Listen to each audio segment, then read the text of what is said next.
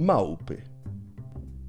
Małpa, wielki samochwał, co człeka udaje, zwiedziła cudze kraje, bo była z lasu wyszła i wlazła pod strzechę.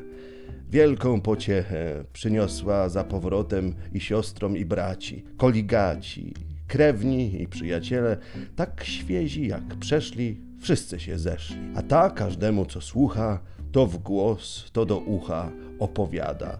Jedno łże, drugie zgada, zgoda, aż słuchać miło, jak to pięknie pod strzechą i zabawnie było. Przyszło spać, nie ma strzechy, a jak spać bez dachu? Małpy w strachu, więc w pospiechy szukać strzechy. I znalazły. Pod dach wlazły. Słysząc szelest, gospodarz szedł z świecą na górę. Małpy w nogi, zatkał dziurę.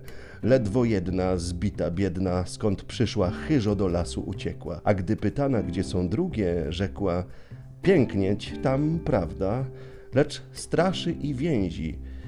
Kiedyśmy małpy, śpijmy na gałęzi.